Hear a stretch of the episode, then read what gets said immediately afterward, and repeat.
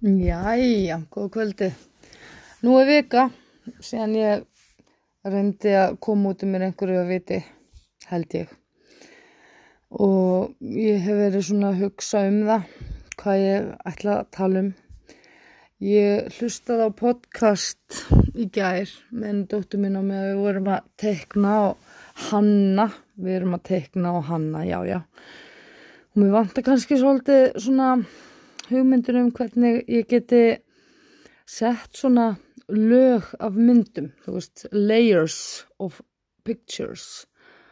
Þannig að ég geti haft bakgrunn og mynd í forgrunni á myndinni sagt, og svo layerað þessar myndir saman þannig að þau komi vel út. Því að núna langar mér til þess að hanna tarotspil.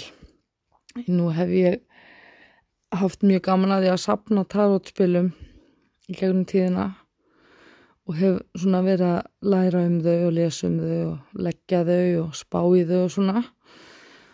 Ég á nokkra týpur á stokkum og það sem að ég var að skoða núna er að gera þetta svolítið nútímalega. Mér langar til þess að breyta og bæta og græja og gera og þá er bara að reyna að finna eitthvað forrið eða app eða eitthvað sem að ég get nota til þess að gera svona smá grafíska hönnun. Ég kann ekkert á Photoshop. Og eina verkværi sem ég er með er þessi Android sími minn sem ég á núna. Ég hef verið að screenshotta alls konar myndir af internetinu. Svona backgrounds og alls konar og þetta er þetta svona klippart með smá raunverulega raunverulega myndum. Svona í bakgrunnum. En mér þótti voða gaman að gera svona slides sjó í gamla daga í skólanum. Þá hafði ég mitt mjög gaman að ég hafa slæturnar með svona background mynd. En hérna einhvern veginn er ekki með Word í símanum eða tölfunni þannig að ég er búin að vera að reyna að finna eitthvað app og ég fann hérna Board Games Maker eða eitthvað svolítið .com Board Games Maker eitthvað. Og það er hægt að hanna sín, sín eigin spilastokk og maður getur ákveð hvaða mörg spil og allt þetta. Og ég komst nú bara í að gera sko framhliðina og af bakliðina á spilastoknum en ég gæti ekki skrifa neina stafi eða downloada neina myndum. Ég gæti ákveði hvernig litur átt að vera á sagt, framliðinni og hvaða logo átt að vera á bakliðinni á, á spilunum. Svo gæti ég búið til eitthvað svona gameboard þar sett ég bara svona lögn bara kjaldneskan gross og sett eitthvað blóma mynd á bakliðina. Þannig að það er svona það eina sem ég komst í. En við vantar að komast í eitthvað forrið sem er einfalt og þægilegt þar sem að ég get gert myndir hálf gegsaðar og raða þeim í svona leiðis og kliftar til þannig að ég geti haft táknin þú veist það er kannski á einu tarotspili er kannski blá rós, það er það eru myndir eða í byggarar í einhverju magni 3, 4, 5 þú veist ég þarf að geta gert byggar fimmuna með fimm byggurum og þá get ég copy-pasta bara byggarana á sagt, spilið en bakgrunnun heldur sér og svo framvegs þannig að Við vantar eitthvað svona einfalt, hálfvita held fyrir svona kettlingar sem mig. Og svo get ég bara að seifa þá mynd og sett hana inn á board uh, game maker dótið if you know what I mean. En það eru kannski allir og amma er að búa til einhver spil í dag. Einhverja drikkjuleiki eða Dungeons and Dragons og alls konar. Einhver spil sem að maður hefur ekki hirt um og mun aldrei spila. En það kemur bara ljós. Svo hefur verið svolítið og hérna, já, pínulítið að baka mig, svona aðeins. Núna eru allir komni með ofbóðslegan áhuga á að rækta blóm svo, svo ég far úr einu í allt annað. Nema hvaða það sem að maður læriði bara á því að umgangast blóm hérna sem krakki þegar mamma var alltaf með 14 kólus átt í gluggaskiluru maður fyrir að taka afleikir af þessu stinga í vatn og býja eftir rótunum. Þú veist, ég held að þetta væri common knowledge að maður tæki bara afleikara og setta hann í vatn bara glas með vatni og býði sig hann rólega eftir rótunum nei þetta verðist vefjast fyrir bara hinnum virðulegustu húsfrúm sko. Þarna sér maður myndir inn á þessari pottaplöntu grúpu á Facebook. Það er alltaf nóg efni til að tala um inn á þessum Facebook grúpum. Þarna verðist samansapnast þeir mestu fávitar sem að likla borði geta valdið eða snjálfsíma og þeir taka mynd af full rótuðum uh, aflegjara alveg svaka rætur bortum allt. Er þetta tilbúið að fara í vatn? Eða í moldin á ég að hafa þetta lengur í vatninu bara fyrir ekki að hvernig erst þú lifandi ennþá? Ef að þetta er eitthvað sem er að vefjast fyrir það mikið og þú hefur fyrir því að taka vindaði og setja einn innlegg um svona fárana hlut inn á grúpu þar sem þú ert nafngreint þarna verður þú þekkt sem fávitin sem að tókst mynd af full rótuðum áleikir og spurður í alvörni hvort það væri tilbúin í mold. Veistu að bara Lord have mercy on your soul sko. Sko í dag þá er ekki lengur sko fólk er ekki lengur kent að skammast sín. Það kann enginn að skamma sín. Það kann enginn að vita betur bara, herðu ok ég reynir bara að finna út úr þessu. Að því að ef ég spyr um eitthvað svona þá verð ég bara álitin fáviti. Nei, þetta er ekki til. Sjálfsgaggrinni virðist ekki vera til lengur hjá fólki. Það er bara kemur inn á grúpur hvaða nafni sem þær nefnast og gjörsamlega með kúkin upp á miðjubaki smurja þessu bara beint yfir grúpuna ég get alveg guppa sko. Svo náttúrulega fávitarnir og mannvitsbrekkurnar sem eru mannvitshólurnar inn á þessum grúpum oft sem að gera ekki annað en að segja einhverja tóma djöfursi steipu alveg eins og hjálplegustu kommentin grúpan sem var einna hérna, ég fyrir nú ekki sér neitt innlega í nýla þannig að spyr einhver já, hefur einhver prófað þetta frá þessu fyrirtæki? Og þá komur svona 70 mann sem segja nei það er ekki verið að spyrja hver hefur ekki prófað, skilur þannig er einhver manneska í einfeldni sinni að spyrja hvernig einhver hlutur virkar. Þá myndi ég halda að sá sem að ætti svona samsvarandi hlut myndi þá mögulega kannski deila með henni. Já þetta á að vera svona svona hins einn og ég gerði þetta svona og ég noti þetta svona. Punktur. Nei, nei, þarna koma, einmitt, allir á ammaðira með, nei, ég veit ekki, hvað er þetta?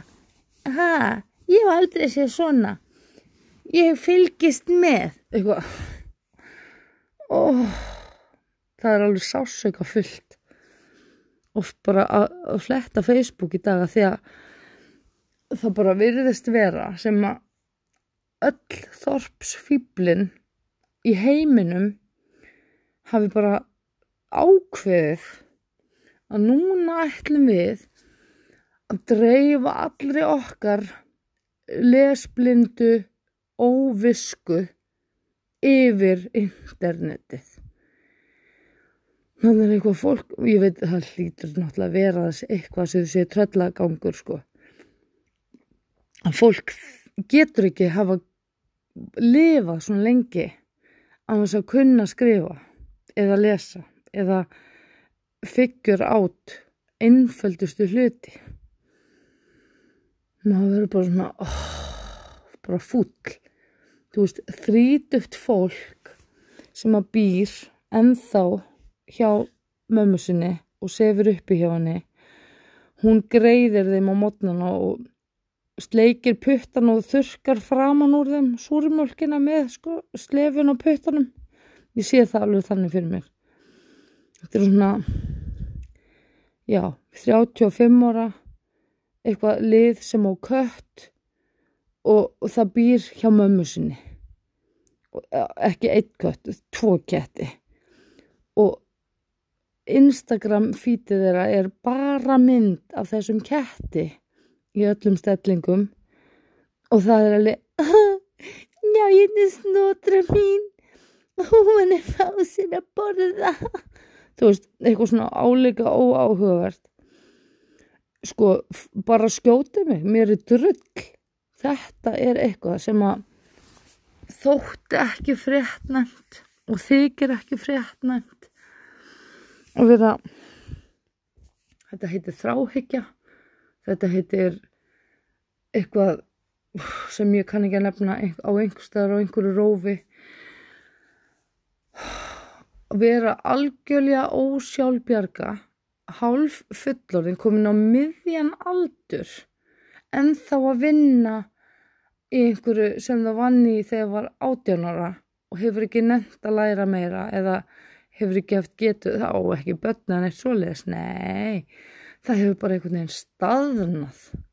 Það bara er alið upp að þessari blessuðu konu hana, einstaðu móður einbytnið þú veist, nú er ég bara að taka algjörlega úr lausu lofti sko. En þetta verðist vera svona stereotýpa sem að er náttúrulega vill ekki láta identifæja genderið sitt sko. Hefur ákveð að vera kallið eitthvað knúksk, skiluru, að því að það lýsir hennar boksi svo vel og hún ætlar að vera knúksk, ekki hún, hann eða hán, heldur knúksk. Og fánin er, þú veist, ekki regnbóafáni, heldur stjörnufáni eða eitthvað, þú veist, öll snjókotnin í bóksinu, öll snjókotnin, þau þurfa að fá sitt kyn skilgreiningar orð, þau þurfa að fá sinn fána með sína skilgreindi kynneið. Þú veist að ég get alveg, ég get guppað. Og svo talar það um kísubarnið sitt eða hundabarnið og það má náttúrulega ekki stugga við þessum kætti hann sefur sko og ná ristavélinu og þá er ekki hægt að fá ristabrauð skilur þú, þú veist það er einhvern veginn lífið snýst í kringum það að þjóna þessum kætti út í það óvendanlega en samt verður hann að vera út í bandi og í lópapeysu. Hann hatar það sko, kötturinn, og hann vil bara fara út og veða fuggl. En nei, það má ekki, hann er vegan. Þú veist, þarna er búið að snúa öllu öfugt. Bara því að þessari manneski sem er knúks finnst það. Og hann vaknaði morgun gæti ekki ákveðið hvaða kynun var. Hún gæti ekki ákveðið í hvaða fötum hún ætlaði að vera. Þannig að hún ákveða selubreita líkams ímynd sinni og tók af sér nektarmynd og dreifðu því saminsku samlega um internetið undir hashtaginu líkamsvirðing. enginn vil sjá hvað það er, skilur. Mér er, sko, ég get alveg, ég þarf að anda inn og anda út. Nú er ég talin, jújú, jú, ég segi bara það sem ég finnst og ég er talin nokkuð frjálslind kona. En mér finnst samt farið að þrengja ansi mikið af þeim sem að vilja bara að almenn skinnsemi haldi áfram að vera almenn skinnsemi, ekki bara á færi Kára Stefánssonar að vera skynnsamur og segja það sem hún finnst. Mér finnst að ég geti líka sagt það sem ég finnst án þess að allir og ammaðir að fara að móðgast fyrir hönd einhver sem þið þekk ekki.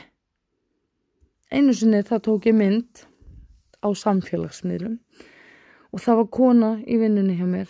Hún sagði, en hvað ef einhver sem að væri að skoða þess að mynd myndi móðgast? Ég var alveg, hvað mennar þau? Já, þetta gæti kannski talist sem kynferðisleg svona dónamynd. Ég var alveg, manneskan er fullklætt og hún stendur gólfinu í vinnunni Hún er með leir í hendinni. Hvernig getur það verið kynferðislegt áreiti á einhvern? Nei, ég minna, þetta gæti náttúrulega bara ef einhver er viðkomur. Ég vil, er ég að kynferðislega áreita þig persónulega með þessara mynd? Nei, nei, nei, þetta ekki. Nei, hvað ertu þá að segja? Heldur þú í alvörunni að það sé einhver að spá í þessu? Annar en þú?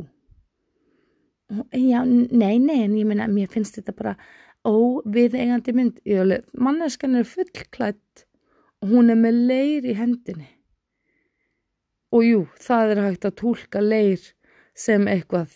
Þú veist, ef hún væri með banana og gúrku í hendinni, það er meira augljóst en hún er með leir í hendinni. Og þessi kona sem vildi að ég fjarlæði þessa mynd hún sagði að hún væri dónaleg veist, þetta var hópur af konum sem var inn í þessari grúpu í vinnunni og hún ákvað að taka þessari mynd sem kynferðislega áreitandi fyrir sig persónulega. Ég tók náttúrulega þessa mynd, hræðelu mynd niður. Ég postaði ekki aftur inn á þessa grúpu, aldrei aftur. Af því að við ætlum að vera að flippa í einhverjum starfstegi og vorum að taka til fundum grjót, harða svona leir svona hlunga einhverja og vorum eitthvað að djóka með þetta í hendinni, skilur það var ekki einu sinni verið að gefa í skinn að þetta var gæti mögulega verið að fara inn í einhvern, skilur hún hjálp bara á þessu. Og þarna var einn af virðulegri konum vinnustæðins bara að deyja og nexli það vita nú allir hvað þetta á að vera.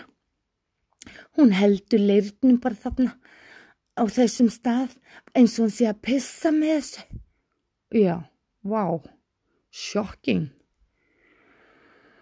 en þannig eru allir áma þeirra alltaf tilbúinir að standa einhverja siðferðisvakt fyrir einhverja ósynlega mannsku sem að gæti mögulega að fara að grænja einhver staðar ef hún frétti mögulega af þessu á einhverjum tímapunkti í lífinu og þessi grúpa kæm henni ekki einu svona við en samt fær hún að grænja ég bara ég nægis ekki. Og þessi knúks manneski hanna af því að þú veist mér finnst þetta bara, nú ætlum ég bara að hafa þetta fyrir orð fyrir mannesku sem vill ekki skilgreina kynsitt knúks, eða hvað sem þetta heitir. Já, hann, það, ég veit ekki. Knúksið á eftir að brjálast yfir því að manneska á vinnustáðut í bæ hafi haldið leir fyrir framann sig í mittishæð eins og hún gæti mögulega verið að pissa með hann já, þetta er skandal og við vorum að passa börn, hvað er með börnin, blessu börnin, já, við vorum á starfstegi, skilur, við erum líka fólk þó að við séum ekki að vinna. Og ef við erum að vinna með börnum skilur þá erum við samt fólk sem að höfum kannski mjögulega húmor. Nei, við eigum ekki að vera svona ömuleg fyrirmynd í vinnunni á svona ofinberi lokaðri Facebook síðu já, nú er ég bara að byrja að bylla sko, ég er maður er komin í tómt byll en ok, Mars. Allir eiga ammali Mars sem ég þekki, það eiga svo margir ammali í þessu mánuði. Þú veist, það er eins og hafi verið fengitími bara hjá fórildrum allra þessara ammalisbarna hérna fyrir nýju mánuðin síðan. Guðmóta hvena það var en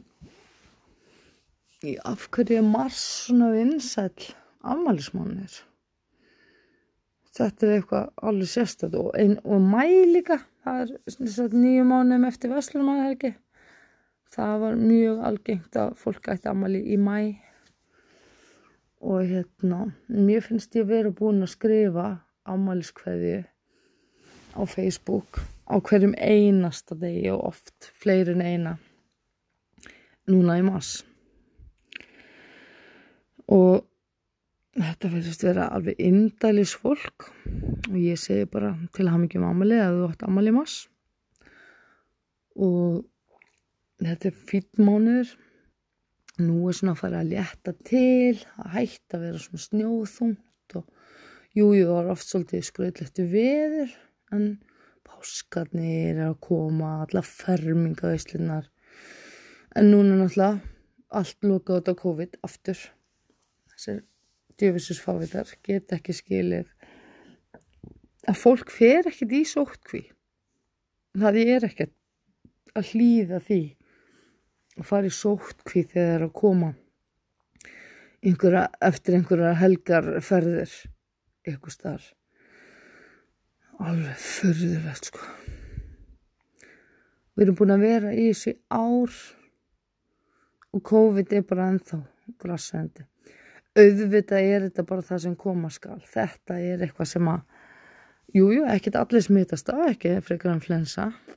En hérna sko, nú þekk ég fólk það sem að maðurinn og barnið fengu COVID en ekki konan á heimilinu. Og þau búa saman og þú veist, allt þetta. Þannig að það eru ungir og söstar einstaklingar en eina milli sem að munu ekki smittast það er mín trú. Bara alveg eins og sumi fá ekki rauða hunda og aðrir fá ekki mislinga og þú veist, það er alltaf einhver sem er með sterkara kerfi en aðrir. Kannski fá þeir eitthvað hint af þessu og eru með svona svakalega stert ónæmiskerfi að það bara tæklar þetta um leið. Og hérna allavega mér finnst ég hafa verið að umgangast ansi marga og sem að hafa verið já, bara innan um fullt af fólki. Þannig að mér finnst ég ekki hafa verið að fara eitthvað ekstra valega, ég menna ég hef alveg ekki staðið alltaf meir en tvo metra frá fólki sko og ég einhvern veginn er ekki að vinna að vera veik þannig að ég held að þetta sé bara svona að því að maður er ungur og hraustur þá fær maður ekki þessar smitt sjúkdóma sko. En já. Ég einhvern veginn bara það er bara vindur úr mér. Ég er einhvern veginn búin að vera bara nexlaði mig yfir einhver, einhverjum þorpsfýblum hana á Facebook. Og svo náttúrulega hefur maður verið svolítið að nexlast á þorpsfýblum sem maður hefur átt samskipti við í lífun líka. Og það er svona fara að síga á setni hlutan hjá manni. Þú veist núna er maður að fara úr batneign og nú er maður að komast úr svona venjulegum giftingar, trúlóðunar tilhuga lífsaldri skiljið komin yfir 45 og þá er maður bara farin að vita nákvæmlega hvað maður vill maður sér rauðu flöggin á færi núna, bara alveg um leið, bara já, þess er, já, nei, nei, nei. Og maður einhvern veginn bara fattar það að betra er aukt rúm en illa skipað í öllum tilfellum. Maður er ekki að fara að sætta sig við einhvern fávita sem maður getur ekki sett í þóttavélina eða raðar ekki skónum eftir sig eða kaupir bara síkaretur fyrir mánuða kaupir sitt. Þú veist, ma maður bara sér, þú veist, þetta sá maður ekki þegar maður var tvítur, þá fannst manni bara ógeðslega cool að maðurinn, kærastinn, væri bara eigða peningunum í, þú veist, skyndibita á hljómsveitara æfingar húsnæði sett, þú veist, frekar heldur en að kaupa mjólk fyrir barnið eða fött fyrir barnið, skilur. Já, já, ég hef alveg gjörsamlega kúkað upp á bak í sambandi við val mitt á basföðrum og kæristum. Þeir hafa náttúrulega ekki allir verið eitthvað brjálaðislega umulegir en það hefur verið svona mjög ábyrrandi rauðflögg sem að hafa skorið í augun á flestum öðrum heldur um mér. Og núna, einmitt, er ég að fá svona hér og þar einhver mjög mótstæðileg tilbúð, ekki ómótstæðileg, heldur mótstæðileg, frá kallmunum sem að þekktu mig þegar ég var úlingur. Núna var ég á föstu frá því ég var 15 ára til 32 ára, alveg stanslust. Þú veist, með einhverjum pínu litlum hljöfum svona á milli, kannski mestalagi ár, þú veist, hér og þar, kannski þrjú ár af þessu tímabili, þá var ég á lausu. En annars var ég bara mjög mikið á föstu. Nefnum hvað, að þarna frá þessu tímabili, 15 ára til 32, þá var ég kannski í skóla, námskeiðum, ég var í einhverju vinnu, þú veist, eitthvað svona. Og þarna eru úr þessu tímabili frá því ég var 20 til 30 að dúka upp einhverju svona vonbyðlar núna þegar ég er 45 ára 6-7 ára. Ég er 47 ára þess árið þakkaði fyrir. Og þarna fæ ég einhverjar ægilegar ástarétningar bara, ó, þú var svo almennileg við mig þegar ég var 17 Já, ég er búin að hugsa um þess stanslust síðan. Já, ég var 17 ára hvenar, þú veist, árið 1990 eða eitthvað. Nei, 91, 92. Já, þá, þá var ég 17, 18. Hæ, 91 og 2. Er, er þið í alvöru búið að dreyma um mig síðan þá. Já, svo fer henn á Facebook hjá viðkomandi. Hann er búin að vera giftur, hann á 2-3-4 börn, hann er búin að vera giftur 2-3-4 konum. Hef ég heyrt bofs frá þessu manni? Nei, aldrei. Ekki síðan við stóðum saman á einhverjum tónleikum við eitthvað svið á 17. júni á Hallarisplaninu árið 1991 og skiptumst á bröndurum um hljómsveitina sem var að spila og síðan ekki söguna meir, jú, svo kannski voru við saman í yðinskólanum í einu fæi, já, já, já og síðan þá þá er þessi maður ekki búin að hugsa um neitt annað heldur en mig. Right. Þessu er nú erfitt að trúa og þessu kem ég ekki til með að trúa ever. En þarna er augljóslega farið að þinnast í hjörð viljúra kvenna inn á messengernum hjá viðkomandi. Og þarna man hann eftir því að þarna einhverstaðar inn á milli var ég sem að hann hafði mögulega áhuga á því að fara í sleik við þarna árið 1991 já, best að senda henni skilaboð.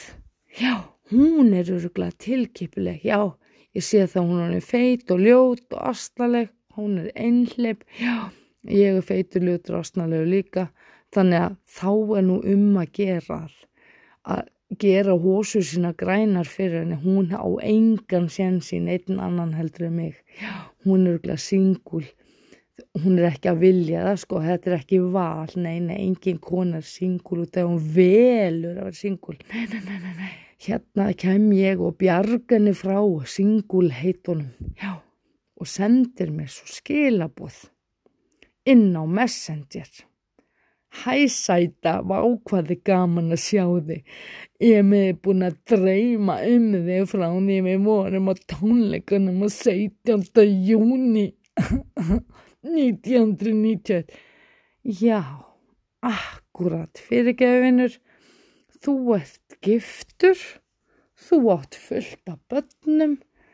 Hvernig getur þú hafa horfið af yfirborði jarðar fanga til núna ha, þessi 30 og eitthvað ár af hverju hefur ekki ef þú hefur verið svona viðþólslaus af ást til mín ekki látið vita fyrr af því ha.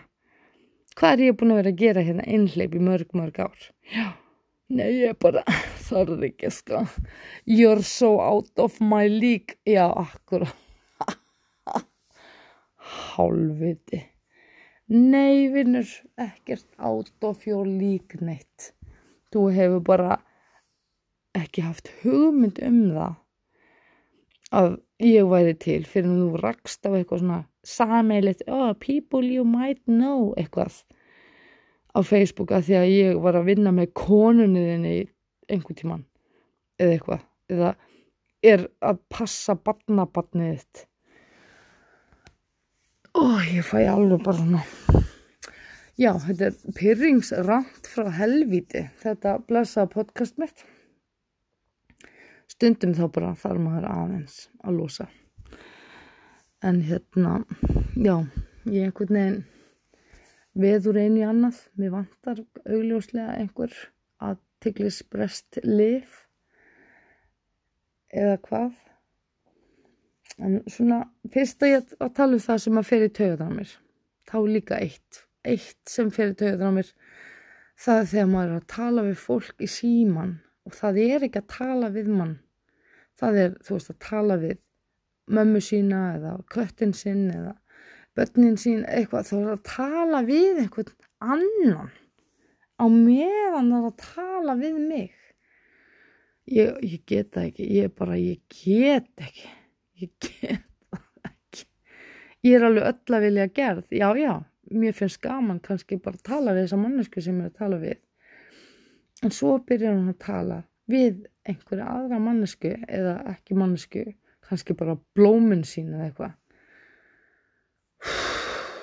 bara fyrirgeðvinnan eða vinnur þú veist, nenniru þegar þú ert að ringi mig að, að tala bara við mig þessar örfá mínútur sem að ég krefst aðtekliðinar please ekki vera að tala við alla í kringu því líka.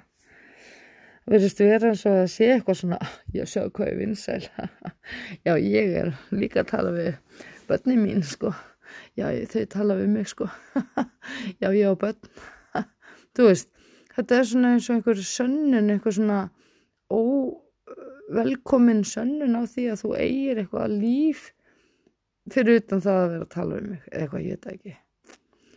Ég hef einmitt ekki vanið mig á það að tala við aðra á meðan ég er að tala í síman þetta er mjög óþólandi líka þegar ég var að vinna hjá 118 þá, 100, já, 118 þá fekk ég bara pínu ógeð á því að tala í símana því að fólk var að ringja það var í vinnunni, það var að vinna í vélsmiðju eða fugglabúð eitthvað svona, það var bara alltaf ógeðslega mikið læti hinum einn á línunni auk þess sem manneskjan var eitthvað að byggja um upplýsingar. Og ég með headset á eironum þannig að öll svona auka hljóð þau mögnuðust svo upp og svo heyrði maður náttúrulega ekki helmingina því sem að manneskja var að byggja um. Og þurftu stundum að endur teka og þá var bara manneskjan á fulla vinna. Þú veist, saga eða gefa einhverju mannættu páagauk sem voru öskra upp í eiraðum þú veist, mannakjött eða eitthvað. Þú veist, eða saga niður tré út í skógi eða móka upp úr skurð með skurðgröðu, skilur, það var alltaf einhvern svona læti og það var það sem gerði mér bara mjög frákverfa því að spjalli síman og núna þegar ég spjalla í síman við fólk sem ég gerir mjög sjaldan þá einhvern veginn fæ ég svona triggering flashback. Þegar það er eitthvað svona læti í bakgrunnum þá langar mér bara til þess að slíta samtalenu bara. Ekki, já, ég, ég heyra að þú ert upptekinn þú þurftir ekki að vera eigða tímanum mínum í það að vera hlust á þig vinna eða gera eitthvað annað en tala um mig. Þú veist, ég fæ alveg þessa tilfinningu bara svona af hverju er þetta að ringi mig þegar þú getur ekki einbyttir að því að tala bara við mig? En þú veist ég veit ekki, kannski er þetta bara eitthvað svona post-traumatic stress disorder eftir að ég var að vinna í á.is að ég bara svona fæ svona pyrrings svona, óh, ég get þetta ekki. Af hverju að vera að ringi í mann þegar maður er ekki einu svona í sko einbyttingunni þú veist, það er ekki einu svona verið að tala við mann, það er bara verið að sína manni svona hljóðmynd af því sem er hinum einn á línunni einhvern veginn svona velarhljóð manneskjur öskra og svo bara, já, Arjón Bóki skilja bara, sendi mér SMS þú veist, og svo ætti ég bara að ná því að senda honum SMS með símanum hjá Arjón Banka en samt, sko, gefa hann samband fyrst. Hvernig ætti ég að vita það? Í einhverju velar hljóði skilur en já ég veit ekki. En ég þarf nú alveg að viðkynna eitt. Ég hlusta ekki á þessi podcast mín sjálf af því að mér finnst sko mér finnst ég hljómalu skelvilega í svona upptöku. Og einhvern veginn svona ígjast þessi smáatri sem að fara í taugutan á mér við mig þegar ég hlusta mig aftur mér finnst oft mjög gaman að lesa það aftur sem ég skrifa. Mér finnst oft mjög gaman að horfa á snöppin mín laungu óþarfa snöppin sem að dóttir mín segir að enginn horfa mér finnst þau æðisleg þó ég sé bara eitthvað að kjáfta en ég hef ekki prófað ennþá að hlusta á heilan podcast þátt þar sem ég er bara að tala. Og ég veit ekki hvernig þið nenniði því. Ég nenniði ekki. Og ég var einmitt að hlusta á eitthvað sem heiti morðkast í gær. Og það er ótrúlega mikið sem fer í taugatan á mér við það að hlusta á podcast. Og hún dótti mér var að hlusta með mér og við vorum svona búin að brása nokkra þætti, kveikja nokkru þáttum og hún sem sagt hlusta á drauga fortíðar til að byrja með með mér og hún bara vákvæði þetta er leiðileg maður. Hann bara, hann er eins og að sé að drepast úr leiðindum og finnst þetta bara leiðileg mér finnst það ótrúlega skemmtilegt til dæmis að hlusta á drauga fortíðar. Ég er svona nýbyrja að hlusta svona aðeins á podcast. Og draugar fórstíðar er svona það eina sem að ég hef haft gaman af.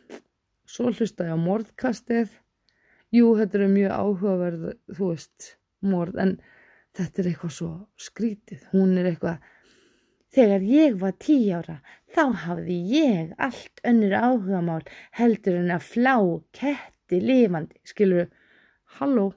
Já auðvitað hafðir ekki þann áhuga, ertu vangjön þú veist hvað, akkur er hún allt í hennu komin að líka sér persónlega ekki við manneskuna sem að var að drepa lítil bönn, skilur þegar ég var úlingur þá hafði ég ekki það áhuga mál að þú veist hætt að blanda þér inn í eitthvað hugarheim hjá geðveiku morðingja. Það vita það allir að þú ert ekki geðveikur morðingi heldur þú ert að tala um geðveika morðingja. Hú, ég fæ alveg bara svona tremma ég er kannski bara ekki nú vel stend stundum af því að ég er kannski bara búin að sjá svo mikið, heyra svo mikið og maður er orðin svo marinn og blár eftir allt þetta áreiti sem hefur átt sér staði gegnum tíðina og um mitt öll þessi rauðu flögg sem að byrtast aftur og aftur og aftur og maður er bara svona æj, oh, ekki ekki þetta aftur. Þannig að þú veist nú er fólk það getur googlað allt. Það getur googlað hvað sem er.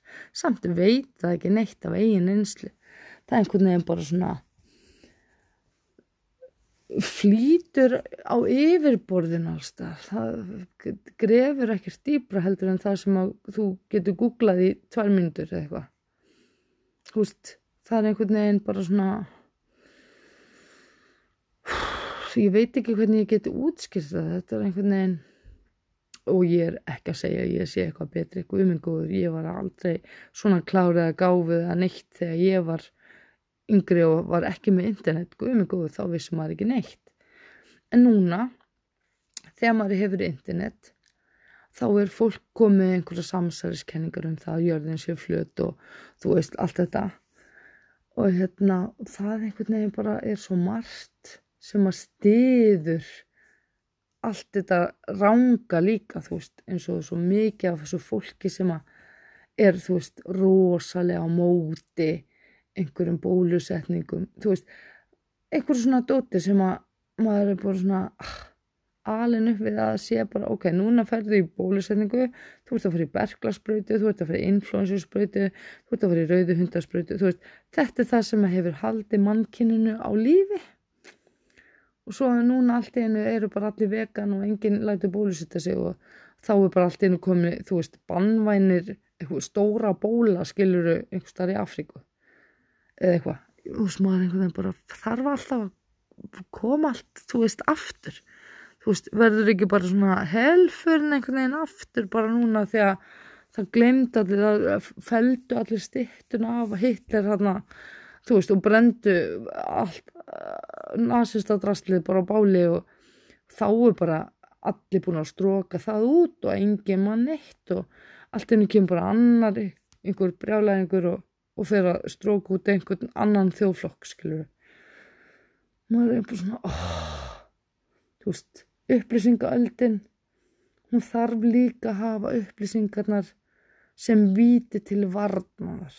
Þú veist, allar vondu upplýsingarnar líka. Þú veist, alla gaurana sem að voru, þú veist sem sáu til þess að eitthvað hræðilegt gerðist, það þarf líka mun eftir þeim og ekki bara stróka það út. Þannig að